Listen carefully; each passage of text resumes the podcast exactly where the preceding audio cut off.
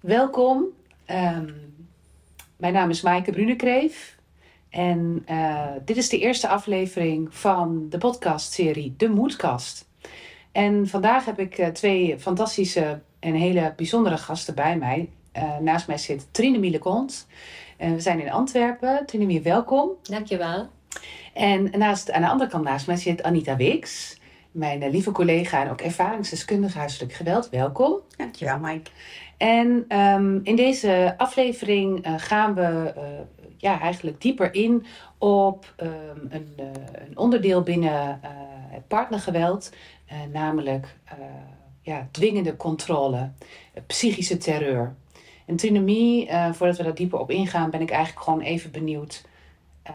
kun je iets over jezelf vertellen? Zeker. Ehm, ik ben Trinomie. Ik heb uh, 20 jaar, bijna 20 jaar partnergeweld meegemaakt. Meer specifiek dwingende controle. Bij ons wordt het ook wel eens intieme terreur genoemd. Dus er was geen fysiek geweld gedurende die 20 jaar. Er ging wel altijd dreiging in de lucht. Um, dus ik was ook wel heel bang. Ook uiteindelijk te bang en te moe om te vertrekken. Ik ben 20 jaar gebleven. Ik heb nooit hulp gezocht. Daar waren heel veel redenen voor. Uh, maar vooral schaamte en angst speelden een enorme rol. Mm -hmm. Ik denk dat ook heel veel mensen moeten gezien hebben dat er iets was. Ik was altijd moe, uitgeput. Ik zag altijd zo bleek als de muren. Mijn uiterlijk veranderde heel drastisch. En toch sprak niemand mij daarop aan. Hoe kan dat? Ik denk dat dat ook weer verschillende redenen heeft. Mensen denken van, ik zie het verkeerd. Ik ga me niet moeien.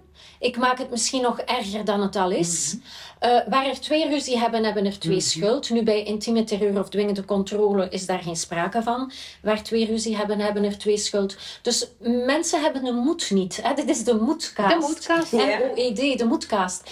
Uh, ik zelf had ook de moed niet om erover te beginnen. Trouwens, ik was te bang, te uitgeput om er nog eens met iemand een gesprek over te beginnen. Een moeilijk gesprek uiteraard. Ik had zelf ook gedurende die twintig jaar niet door dat het partnergeweld was. Exact, ja. Want partnergeweld is fysiek, nee. Mm -hmm. En hij sloeg mij niet, hoewel de dreiging er wel altijd was. Um, trouwens, bij psychisch geweld of niet fysiek geweld is het zo dat die grens tussen niet fysiek geweld en fysiek geweld op gelijk welk moment kan overgestoken worden. En bij ons heeft dat zich op de volgende manier geuit. Na bijna twintig jaar denk ik van ja, dit trek ik niet langer. We moeten uit elkaar gaan. Dus ik probeer een heel voorzichtig gesprek met hem van liefste, ik denk dat het misschien eventueel niet zo'n slecht idee zou zijn om uit elkaar te gaan. Wel drie dagen daarna heeft hij geprobeerd mij te vergiftigen. En toen ik ben vertrokken, dan zijn zijn broer en onze gemeenschappelijke vriend mij komen verwittigen dat hij een huurmoordenaar had gevonden voor mij.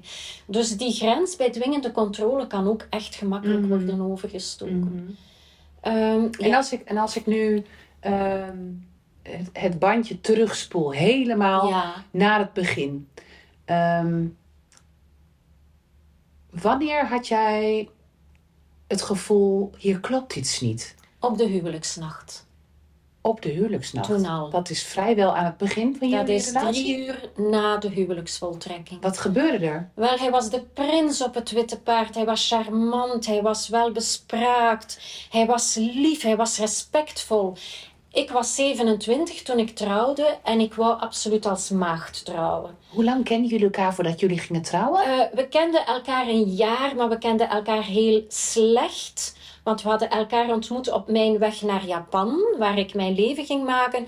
In die tijd was er ook geen gsm en zo, dus wij belden elk weekend gedurende drie minuten.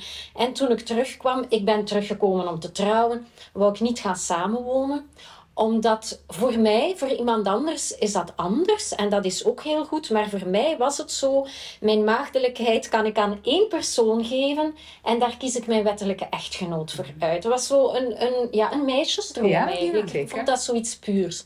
Dus ik trouwde als maagd. Ik wist letterlijk niet hoe een naakte man eruit zag. Dus wij hadden de huwelijksnacht. Uh, ik weet niet of ik het nog opnieuw op die manier zou doen. Ik ben er nog altijd niet uit. Ik vind nog altijd dat het iets moois heeft, maar het is helemaal fout gelopen. Want op de huwelijksnacht eh, ja, was het spel geklaard op twee minuten, letterlijk. Dus erop en erover, zoals we zeggen. Hij liet mij op het bed liggen, ging naar de badkamer, dus in het hotelletje, ging naar de badkamer. Ik hoorde de kraan opendraaien, het water stromen. En ik lag verdwaasd op het bed en ik dacht, maar wat was dit? Maar weet je, Trinity, hij komt zo dadelijk terug. Hij zal je in zijn armen nemen, zeggen dat het zo mooi is. Er zal wel een reden zijn waarom hij zich onmiddellijk wou wassen. Ja, wat is seks? Hoe is seks? Misschien moet je je daarna onmiddellijk wassen. Ik wist er niks van. Maar hij kwam terug en het choqueert en emotioneert mij na al die jaren nog altijd dat hij gewoon zonder een woord te zeggen, met zijn rug naar mij toe, op het voeteneinde van het bed ging zitten en het laatavondjournaal opzetten. Mhm. En dat was mijn ontmaakting. En ik heb pas heel vele jaren later begrepen we hebben het over intieme terreur, dwingende controle. Het is geen situationeel partnergeweld, dat dat met opzet was gedaan. Om mij al meteen te tonen: uh, ik ben hier de baas, ik beslis alles, jouw gevoelens zijn niks waard. Uh, we zeggen, hij, hij, zette de toon. Hij zette de toon, precies. Je hebt het niet door dat het moedwillig is, hè? dat het echt Nee. Dat is het begin van het spel, zeg maar. Precies. Ja. En dan heb ik dat verdrongen. Hij was dan de volgende ochtend weer heel lief. En toen was de toon inderdaad gezet, het geswitcht tussen heel liefdevol gedrag en heel brut gedrag. Het lijkt wel alsof hij twee gezichten had. Oh, maar dat was ook Twee of meer gezichten? Ja. ja. En hij zei dat ook van zichzelf. Okay. Al die jaren heeft hij gezegd pas op, want ik heb tot nu toe alleen mijn goede kant gebruikt. Maar ik heb twee kanten. Ik heb een goede kant en een kwaaie kant. En pas op de dag dat ik mijn kwaaie kant gebruik. Hij wist dat eigenlijk van En daarin zette hij ook al de toon? Wellicht. Ja. Pas op je tellen, want ik heb ook een kwade kant. Hey, en jouw uh, familie, jouw omgeving, uh, wat vonden zij uh, van, jou, van jouw nieuwe partner? wel, het was eigenlijk min of meer mijn eerste partner. Uh, zij vonden hem fantastisch, zeker in het begin. Uh, hij was heel lief, hij was zeer respectvol ten opzichte van mijn ouders, dus ze zagen hem heel graag komen. Uh, maar toen we anderhalf jaar getrouwd waren, het was mijn verjaardag, hij deed mij alle dagen, bijna alle dagen huilen, maar op dagen als mijn verjaardag of de huwelijksverjaardag, die hij twintig jaar is vergeten, tussen aanhalingstekens, dan kreeg ik het zeker te verduren. Dus we gingen het was een zaterdag, ik ga het nooit vergeten, bij mijn ouders logeren. En s'morgens, ik geef hem een zoen, ik ga naar de badkamer. En ik hoor hem het luik optrekken. Hij komt de badkamer binnen met een gezicht als een donderwolk. Uh, waar is mijn zwarte pullover? Ik zeg, liefje, ik heb je donkerblauwe meegebracht. Ja, je weet nog niet eens hoe je een koffer moet pakken. Je domoor, je kunt helemaal niks. Je bent niet alleen lelijk, je bent ook nog idioot enzovoort. En ik was zo verbouwereerd en ik begin te huilen en ik zeg tegen hem, maar Joseph, het is mijn verjaardag vandaag. Met andere woorden, je kunt vandaag toch wel lief zijn. En hij poetst zijn tanden, uh, gaat naar beneden en ik maak me klaar. En ik kom beneden in de hal mijn vader tegen. Die gezien heeft dat ik gehuild heb. Ik probeerde het weg te steken, maar dat ging natuurlijk niet.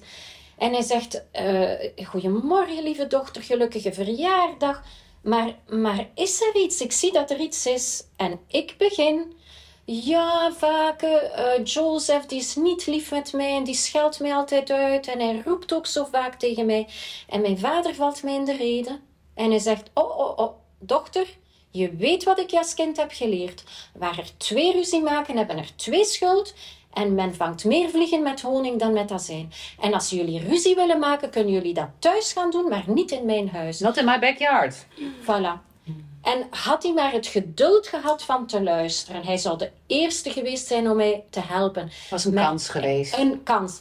En het is geweten dat als een slachtoffer voor de eerste keer probeert zijn of haar verhaal te vertellen, maar wordt niet geloofd, wordt in de reden gevallen, wordt weggehoond of wat dan ook, dan, dan duurt de drempel alleen maar hoger. Ja, dan, dan slaat hij dicht. En het heeft daarna bij mij nog bijna twintig jaar geduurd Wat bedoelde jouw vader Met, je vangt meer vliegen met honing dan met azijn. Je kunt maar beter lief zijn met iedereen. En als jullie willen overeenkomen, moet je misschien nog beter je best doen. Je doet ja, victim blaming, zonder dat hij besefte. Eigenlijk victim blaming. Ja, het, ja.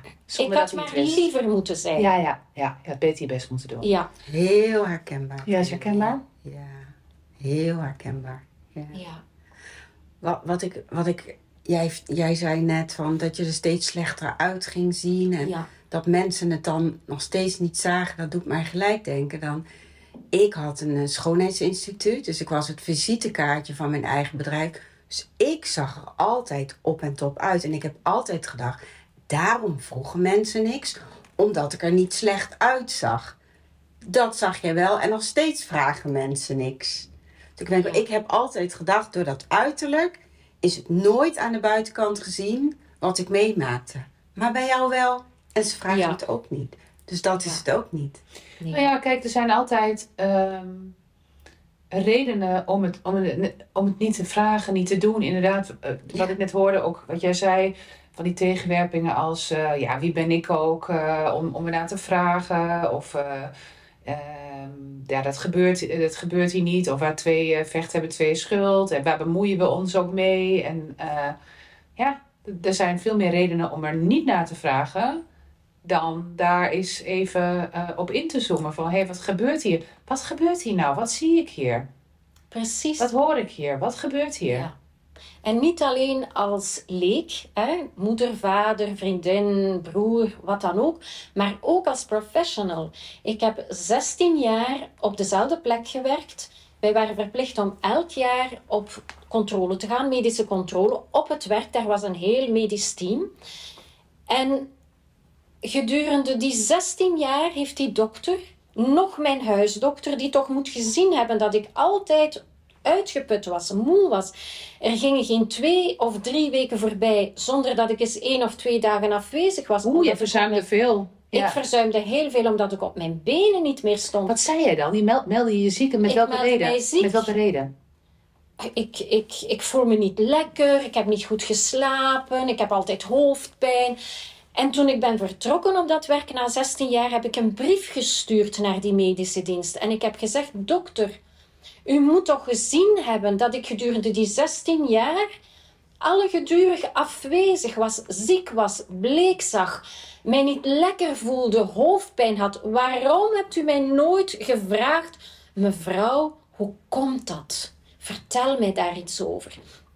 Ik zou gezegd hebben, ik slaap niet lekker. Ja, mevrouw, hoe komt het dat u niet lekker slaapt? Doorvragen. Wel, mijn man maakt mij elke nacht wakker. Had je dat echt keer, gezegd? Keer. Had je ik dat zou echt, het gezegd, zou hebben. gezegd hebben. Window of opportunity. Ja. Ik zou het gezegd Ja. hebben. Ja, dus eigenlijk is de les die we hieruit kunnen leren... eh, kijk verder en vraag door. Vraag door, vraag door, vraag door. En, en als de persoon er de eerste keer niet wil op antwoorden omdat hij of zij te beschaamd is, want schaamte speelt ook een heel grote rol, of, of, of het huwelijk wil beschermen of wat dan ook, vraag volgende keer opnieuw. Of, of zeg dingen zoals, en dat kun je als leek ook doen, eh, Anita, Maaike, ik maak me een beetje zorgen over jou. Je ziet er de laatste tijd altijd zo... Je hoeft daarom nog niet te zeggen verdrietig. Moe uit, dat is een neutraal woord. Wie ziet er nooit eens moe Hé, Ik maak me een beetje zorgen over jou. Die andere persoon zal al vertrouwen voelen. Zich getroost voelen van... Die ander is geïnteresseerd in mij. Die is bezorgd om mij. Dus dat is al een eerste stap, een eerste opening. Maar Anita en ik, eh, wij werken best vaak samen. En als ik jou in die tijd had gekend en ik had jou die vraag gesteld, had je mij dan ook eerlijk. ehm, had ik dan met jou het gesprek kunnen hebben over dat jij thuis niet veilig was? Nou, misschien niet meteen, maar net wat Trinimie zegt. Als jij het vraagt, mijn vriendin vraagt het, de buurvrouw die vraagt het, die zegt het, dan, en zo noem ik dat altijd, plant je zaadjes. Want dan denk je, oh, een ander ziet het dus wel. Dus dat je meteen gaat praten, ik denk het niet. Nee. Maar na de zoveelste keer, want die gemiste kansen bij de huisarts, die ken ik ook. Dan denk ik toch op een gegeven moment, ik weet het eigenlijk zeker, dat je toch gaat praten. Dus eigenlijk is dat een hele. ehm, eh, eh, als professional, of we willen eigenlijk graag pasklare tips en oplossingen hebben, ook om huiselijk geweld of partnergeweld of eh, psychische con- dwingende controle te kunnen signaleren. Maar deze is eigenlijk um, heel, voelt heel erg oncomfortabel en misschien helemaal niet efficiënt aan. Maar is wel heel krachtig op de langere termijn. Dus door iemand non-verbaal of door één keer een vraag te stellen en telkens weer opnieuw, opnieuw. Precies. Daarin zit hem de kracht. Ook al zeg je het niet, ook al weet je het op dat moment zelf misschien niet omdat je in je overleefstand zit. Maar dat, het doet wel wat. Is dat, klopt dat? Als ja. dat Ja? En het doet je ook nadenken. Ik heb gedurende twintig jaar nooit beseft dat ik in zeer zwaar partnergeweld zat. Dat herken jij ook, hè? Ja, dat herken ik zo. Je weet het gewoon. Je weet het niet. Mensen zeggen dan, maar, maar waarom ga je dan niet weg? Maar je weet echt niet wat je gebeurt. Je bent je niet bewust. Nee. En zeker wanneer, wanneer het niet fysiek partnergeweld is. Dus ik heb thuis altijd geleerd, ja, als je man je later slaat, uh, één keer dan vertrek je, want het zal nooit meer ophouden. Maar dus na twintig jaar ging ik op aanraden van een zeer goede vriend uh, naar een psychologe. En ik kom daartoe en ik, ik, wist zo niet goed wat ik daar moest gaan doen. Dus ik zeg, oh mevrouw, ik ben zo gestresseerd, kunt u mij ontspanningsoefeningen geven? Waarop zij glimlacht en zegt, ja mevrouw, ontspanningsoefeningen geef ik niet, maar vertel eens Waarom ben je zo gespannen? Dus ik vertel gedurende twee uur wat mij allemaal is overkomen. En na twee uur zegt ze: Oké, voor vandaag denk ik dat het genoeg geweest is. Kom woensdag terug. Maar mevrouw, ik, ik ben al heel vele jaren psychologe. Ik heb al veel vreselijke verhalen gehoord. Maar wat ik vandaag heb gehoord is het ergste wat ik ooit heb gehoord. U hebt in zeer zwaar partnergeweld gezeten. En ik herinner mij nog zo goed dat ik daar buiten stapte en dacht ik was echt heel boos. En ik dacht, maar zij heeft niet geluisterd. Hè? Ik heb toch gezegd dat mijn man mij niet geslagen heeft. Dus zelfs dan nog had ik het niet door. Maar door daar opnieuw naartoe te gaan, door de vragen die ze mij stelde, ben ik bijna een, een realisatieproces. Ja, ja, precies. Dus ook door gewoon te vragen, hoe komt het dat... Ik zie dat je altijd moe bent de laatste tijd. Hoe komt het? Ga je nadenken. En zaadjes planten, ik gebruik de uitdrukking ook altijd. Je plant een zaadje. Buitenstaanders denken altijd, ik kan toch niks doen. Heb het gevraagd. Ik heb het gevraagd. Ze, dat alles goed gingen. Ja, ze wilden het niet. Maar door het te vragen, door stiltes te laten vallen, door het te mm. geloven, door rustig te blijven, door niet aan te dringen. Hè? je plant een zaadje, die persoon gaat nadenken. En misschien komt die persoon later niet bij jou terug, uit schaamte, uit angst, uit wat dan ook. Maar gaat er toch met iemand anders over praten. Helemaal mee eens. Helemaal eens. Zaadjes planten is zo belangrijk.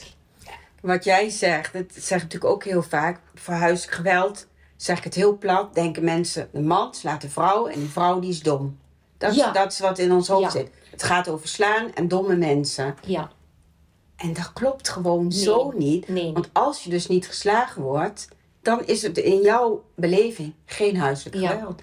Want ik herken dat toen ik voor het eerst een kaartje kreeg van iemand met in Nederland steunpunt huiselijk geweld, dacht ik echt. Ja, wat zit jij nou te zeuren? Nee, dat, zo erg is het allemaal niet. Het gaat niet over mij. Het gaat niet over, mij. Precies, ja.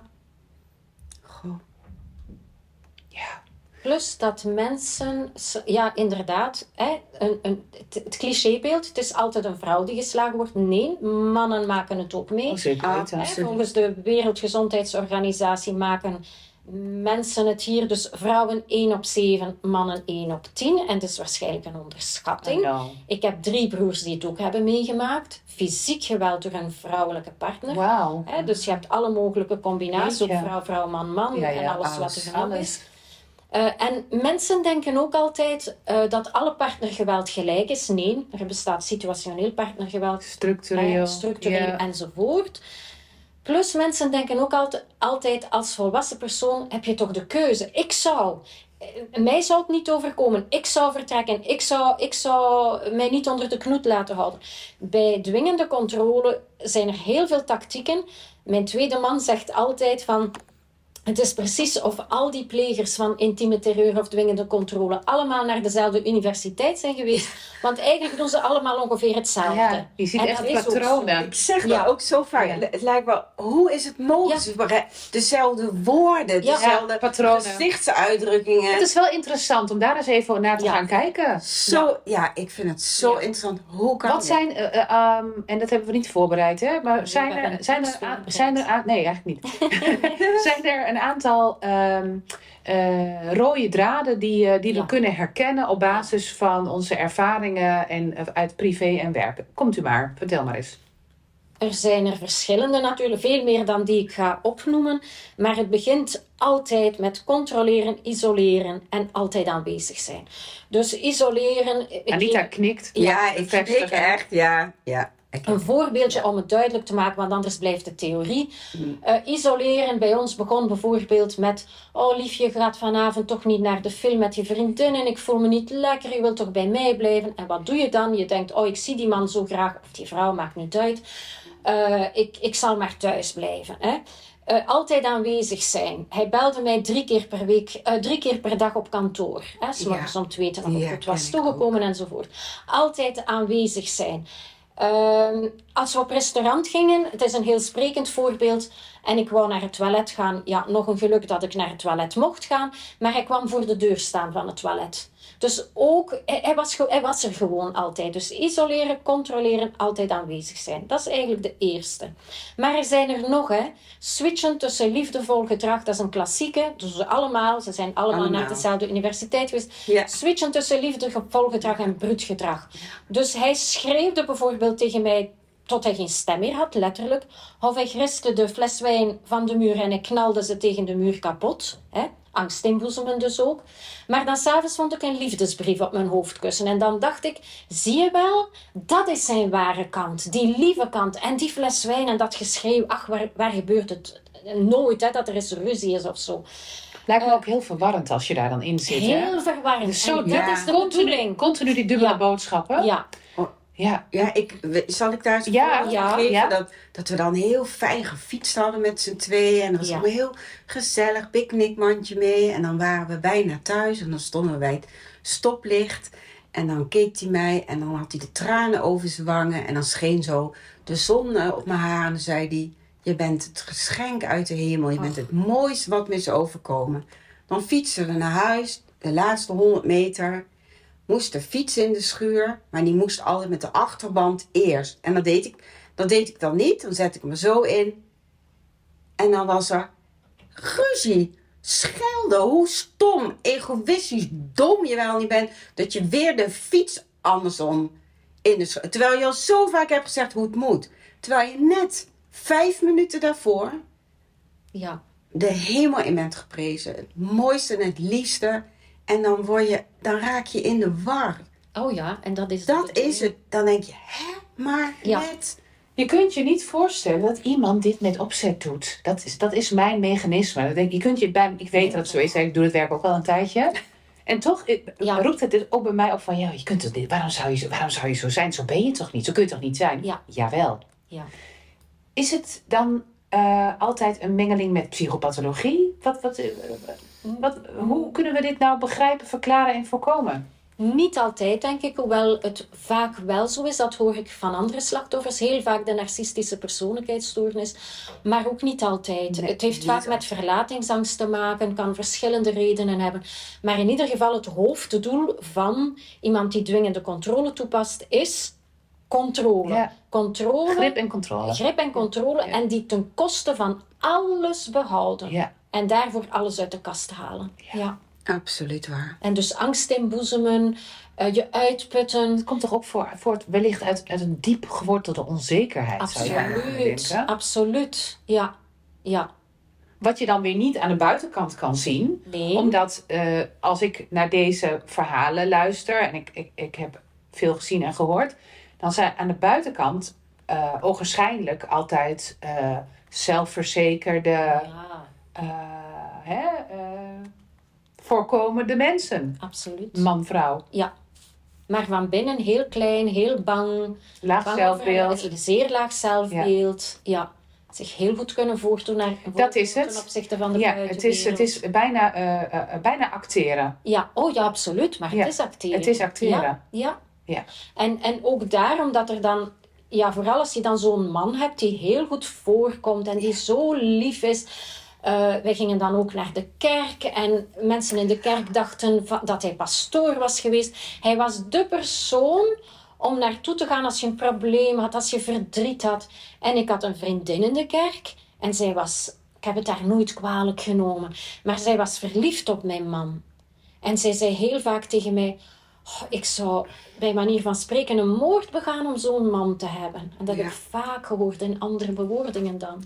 En dan dacht ik, jij, jij ook hè Anita? Ja, ja. En, wij, en wij gingen ook zwaar naar de kerk. Ja. En s'morgens dan... Want wat hij deed, dat is, dat is ook zo'n spelletje, is veel te laat opstaan. Hele gezin, zes kinderen. Uh, aan, aan, aan de ontbijttafel wachten.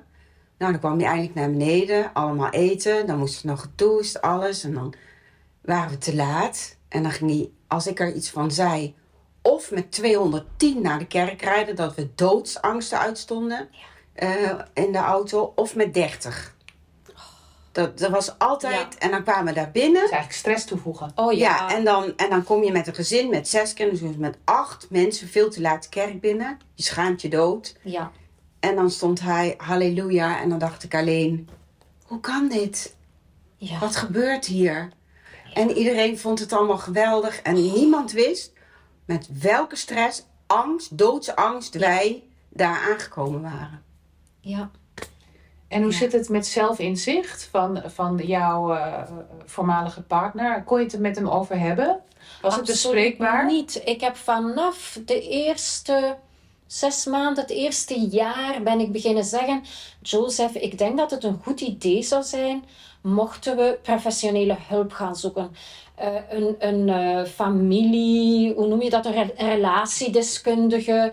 En ik dacht in mijn achterhoofd, en die kan misschien ook wel helpen met ons seksueel leven, want seks gedurende al die tijd dat we. Ik, ik, ja, gedurende al die tijd dat we getrouwd geweest zijn nu, ik ben er pas na het huwelijk achtergekomen dat hij aseksueel was. Dus hij wou eigenlijk nooit seks, behalve wanneer er iemand in de buurt was die het had kunnen horen. Dus als we bij mijn ouders gingen logeren, of er kwam iemand bij ons logeren, dan moest en zou hij seks hebben.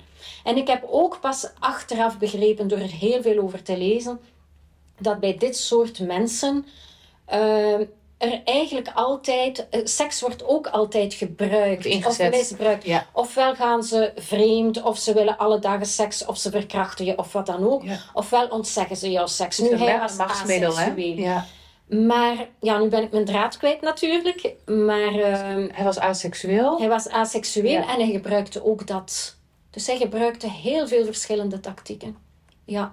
Herken jij dat ook? De, de, de, bij, seks, seks, als machtsmiddel? Ja, bij ons was het echt seks, seks als machtsmiddel. Het was echt vreselijk. Allemaal uh, allerlei dingen opzoeken op internet die dan uh, met je uitgevoerd moesten worden. Zoals ik zeg het niet vaak, maar wurgseks. Oh, en allemaal dat, zulke gevaarlijke dingen. Dat, je, dat ik echt wel eens heb gedacht, dit, dit was het.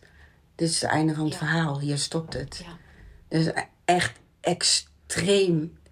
Grenzeloos. Geen, grenzeloos. Echt ja. grenzeloos. Het ging maar verder. En maar zoeken naar beelden op televisie. Of op, ik weet niet waar hij het allemaal vandaan haalt. Dus bij ons was het het tegenovergestelde. En toen kwam er ook nog drugs bij in het spel.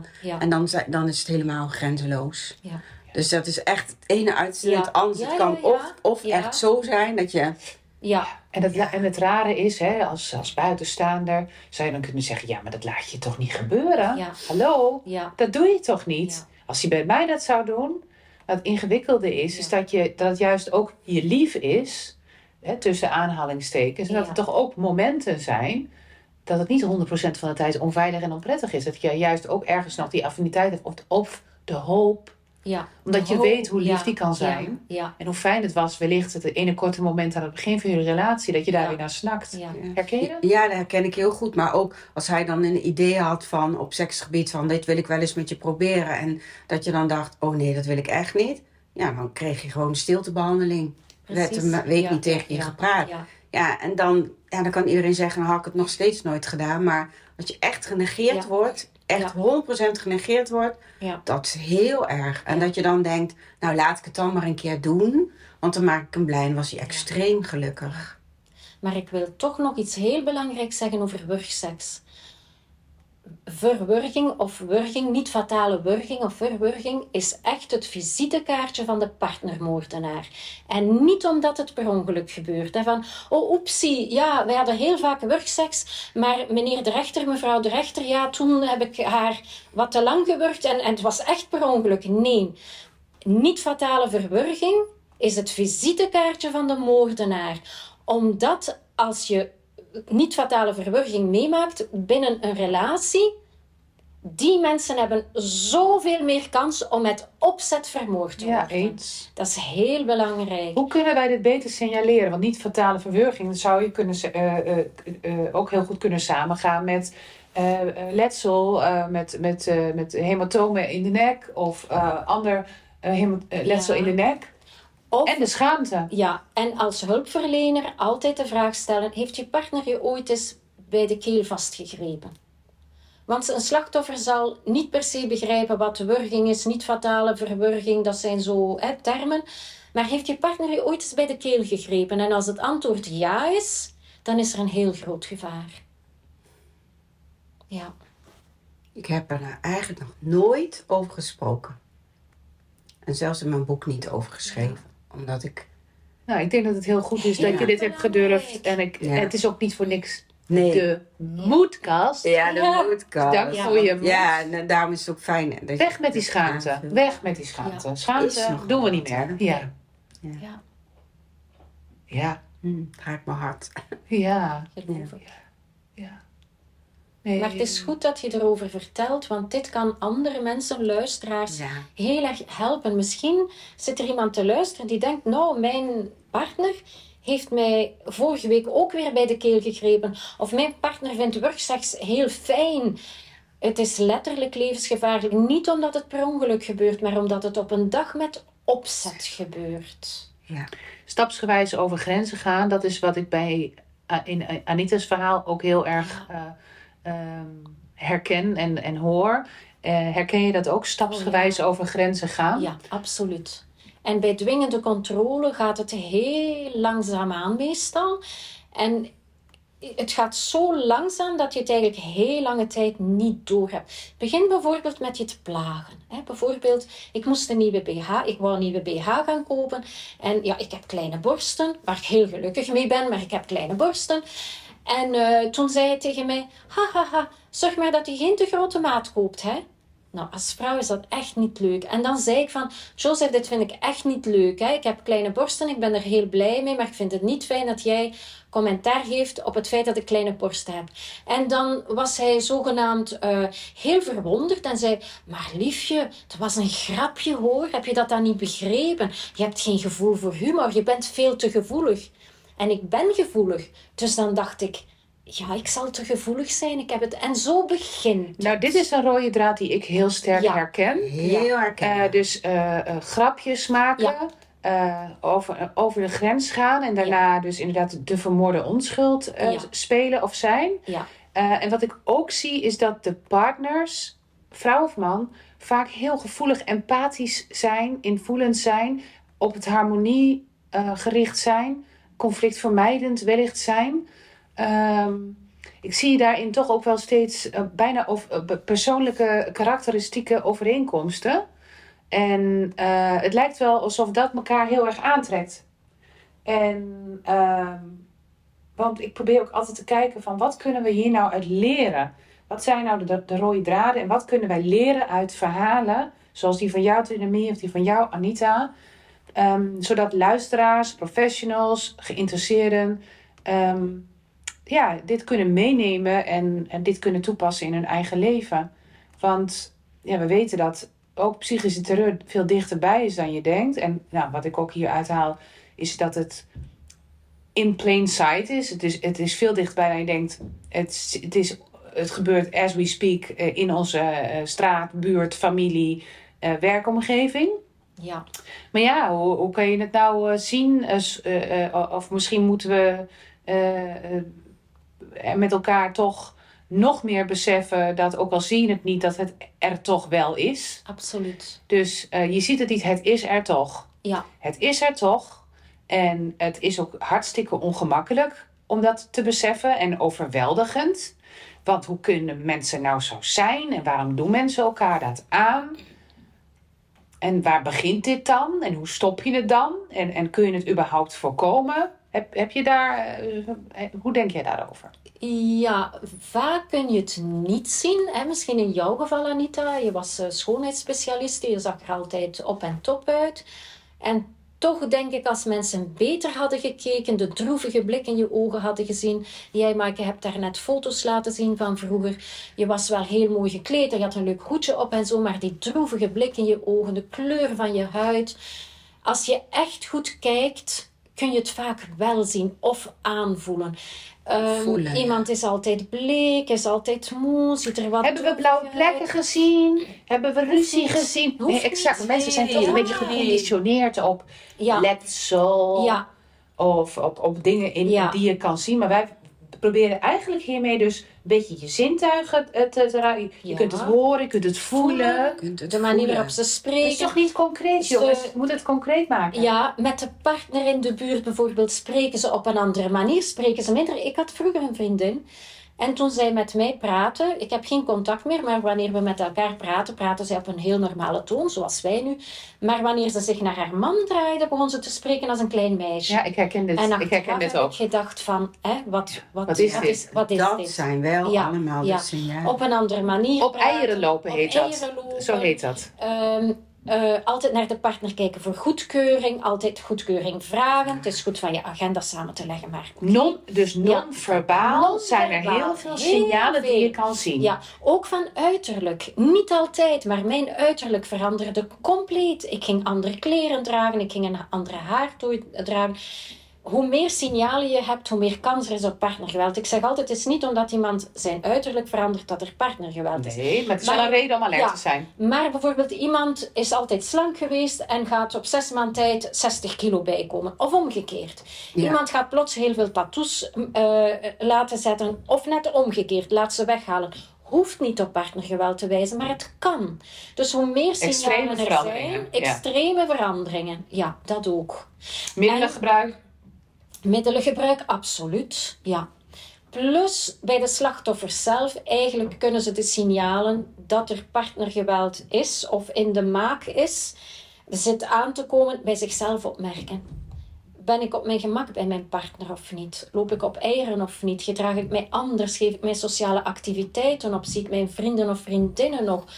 Weet ik, ben, ik, ben ik op mijn ongemak enzovoort. Eigenlijk kun je ook heel veel signalen als je ze kent. Als je ze kent. Dat is heel, dat is heel waardevol. En, dat, dat is denk ik wat we inderdaad ook hierin kunnen overbrengen. Dat het net zeggen. als, als, als, als, als concrete les.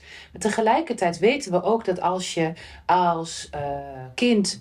Uh, negatieve jeugdervaringen meemaakt, doordat je getuige bent van huiselijk geweld, doordat je zelf misbruikt bent of slachtoffer bent van een vorm van kindermishandeling of in kwetsbare uh, thuissituatie bent opgegroeid, dat je ook meer kans loopt om dergelijke, in dergelijke relaties verzeild te raken.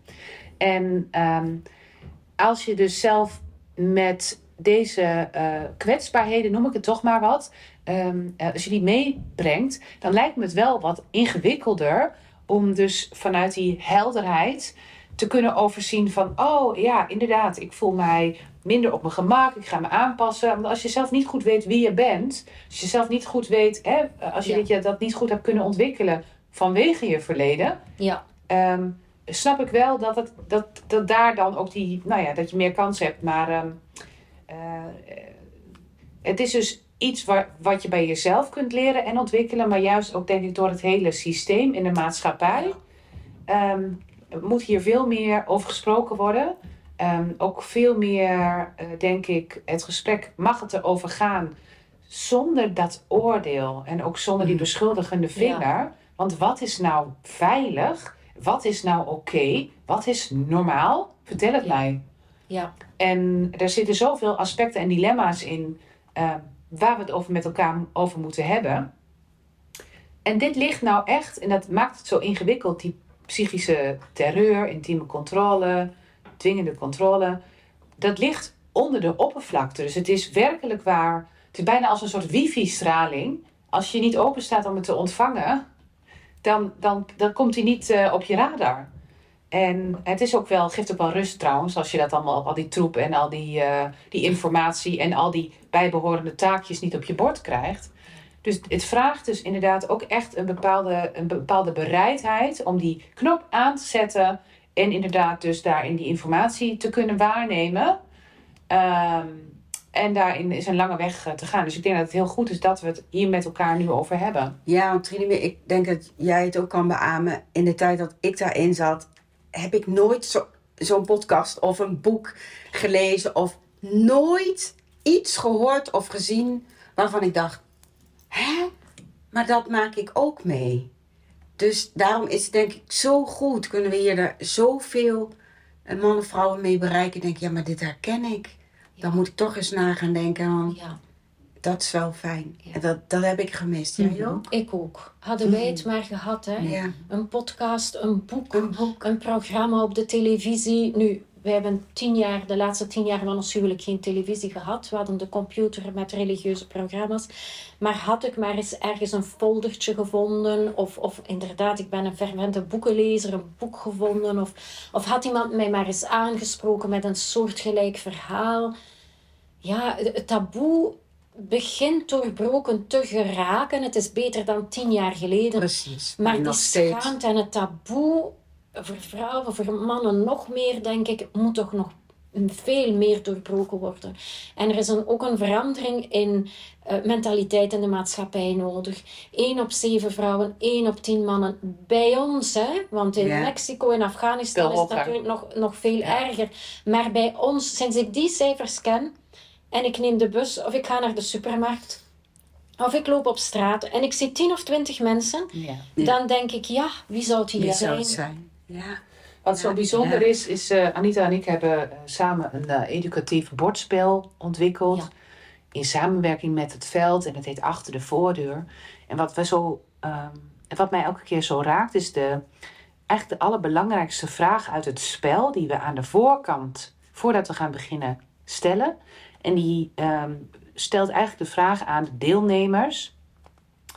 Um, en die deelnemers kunnen op een anonieme manier antwoord geven. Dus niemand weet wat jij antwoordt. Maar de vraag, en je voelt hem waarschijnlijk wel aankomen, is: hè, weet jij hoe het is om als kind dan wel als volwassene, en dan maak ik hem heel kort, maar we bouwen hem op, in een onveilige relatie uh, te zitten of heb je gezeten? Dus je, van vroeger tot nu.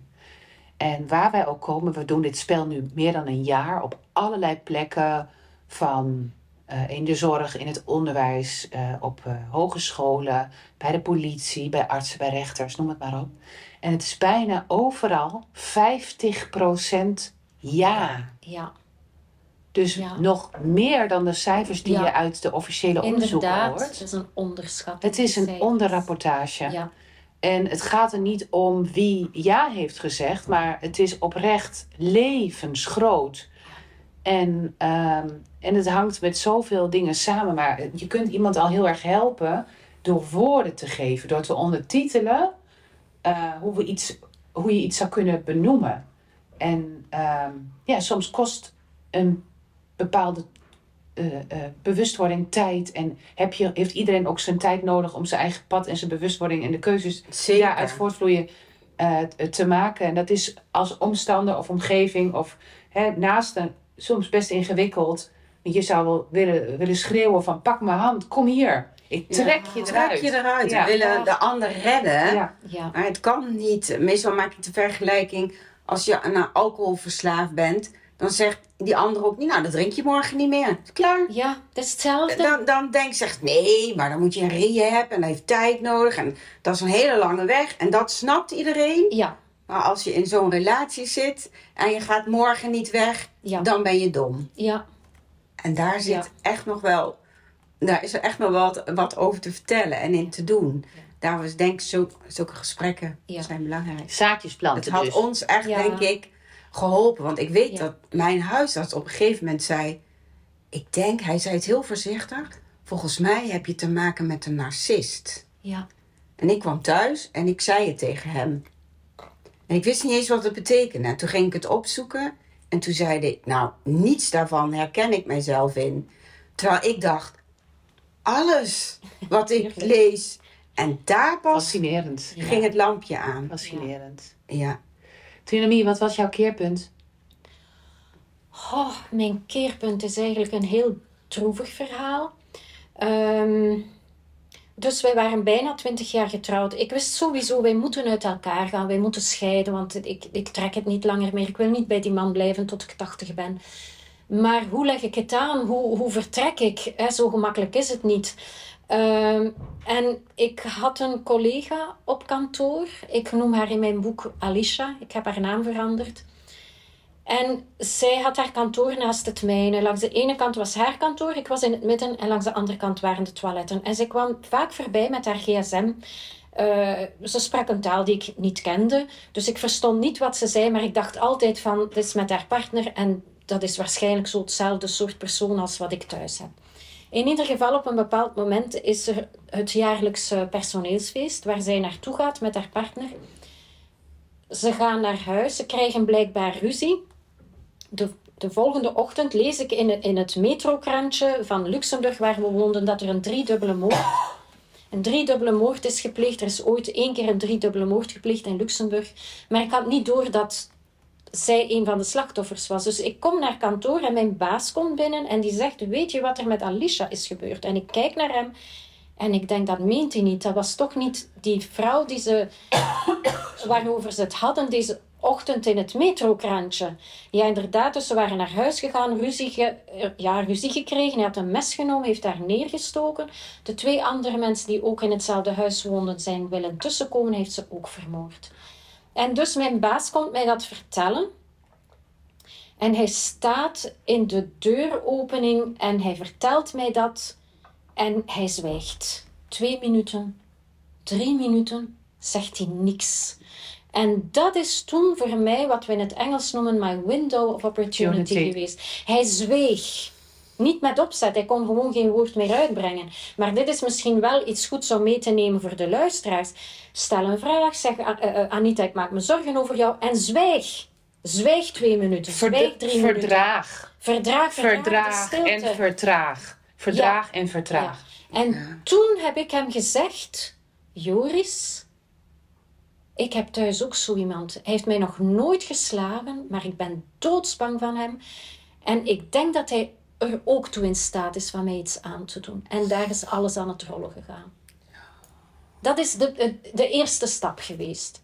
En dan ben ik een advocaat gaan zoeken die gespecialiseerd was. Het is niet voldoende van bij een advocaat te gaan die niks van partnergeweld weet. Mijn eerste advocaat lachte ermee bij de eerste consultatie. En zei, maar mevrouw, dat hoor ik hier zo vaak. Tegen volgend jaar zijn jullie de beste vrienden. Nee, dus ga bij iemand die gespecialiseerd is in partnergeweld en misschien ook nog liefst in persoonlijkheidsstoornissen als dat het geval is. Dus dan is de bal aan het rollen gegaan. Dan hebben wij een veiligheidsplan opgesteld. Want dat is ook zo'n vraag. Hè? Waarom ben je dan niet gewoon vertrokken? Als ze zeggen waarom ben je niet vertrokken, dan kan ik het nog verdragen. Maar als ze dan nog het woordje gewoon gebruiken, dan hang ik tegen het plafond. Waarom ben je niet gewoon vertrokken? Wel, je moet nooit zomaar gewoon vertrekken. Tenzij je moet rennen voor je leven. Doe het voorzichtig. Ga met professionals praten. Zorg dat je op een veilige manier kunt vertrekken. Op mijn website Partnergeweld Overleven staat daar veel informatie over. Onze podcast is Dit is een heel cruciaal moment. Hè? Ja, het, het, het, vertrek is het, het, meeste, eh, het meeste risico op, uh, op fatale afloop. Dus gewoon is echt. Ja. Nee. Ook nooit ingaan, nooit ingaan. Dit wil ik er toch nog over zeggen op een uitnodiging van je partner die zegt: Ik wil nog een laatste keer praten, ik wil je nog je boek teruggeven, ik wil je nog dat juweeltje van je moeder teruggeven. Neem afstand en weg. No, zelfs niet op een openbare plek. Niet doen. Want een laatste keer afspreken moet je letter, heel vaak letterlijk nemen. Het zal de laatste keer zijn, inderdaad, want je zult het niet meer voortvertellen. Niet doen. Ook niet in het gezelschap van vrienden, van, van buur. Niet doen. Vertrekken en niet terugkeren, ook niet voor een laatste gesprek. Ja. Omring jezelf met professionals. Bereid je veiligheids- en je vluchtplan voor. Um, educate yourself. Ja. en praat erover, vraag ernaar. En um, ik wil jullie ontzettend bedanken voor dit uh, gesprek. Heel graag gedaan. Ja, fijn. Dank je Trini ook. Dank je wel. Prachtige vrouw.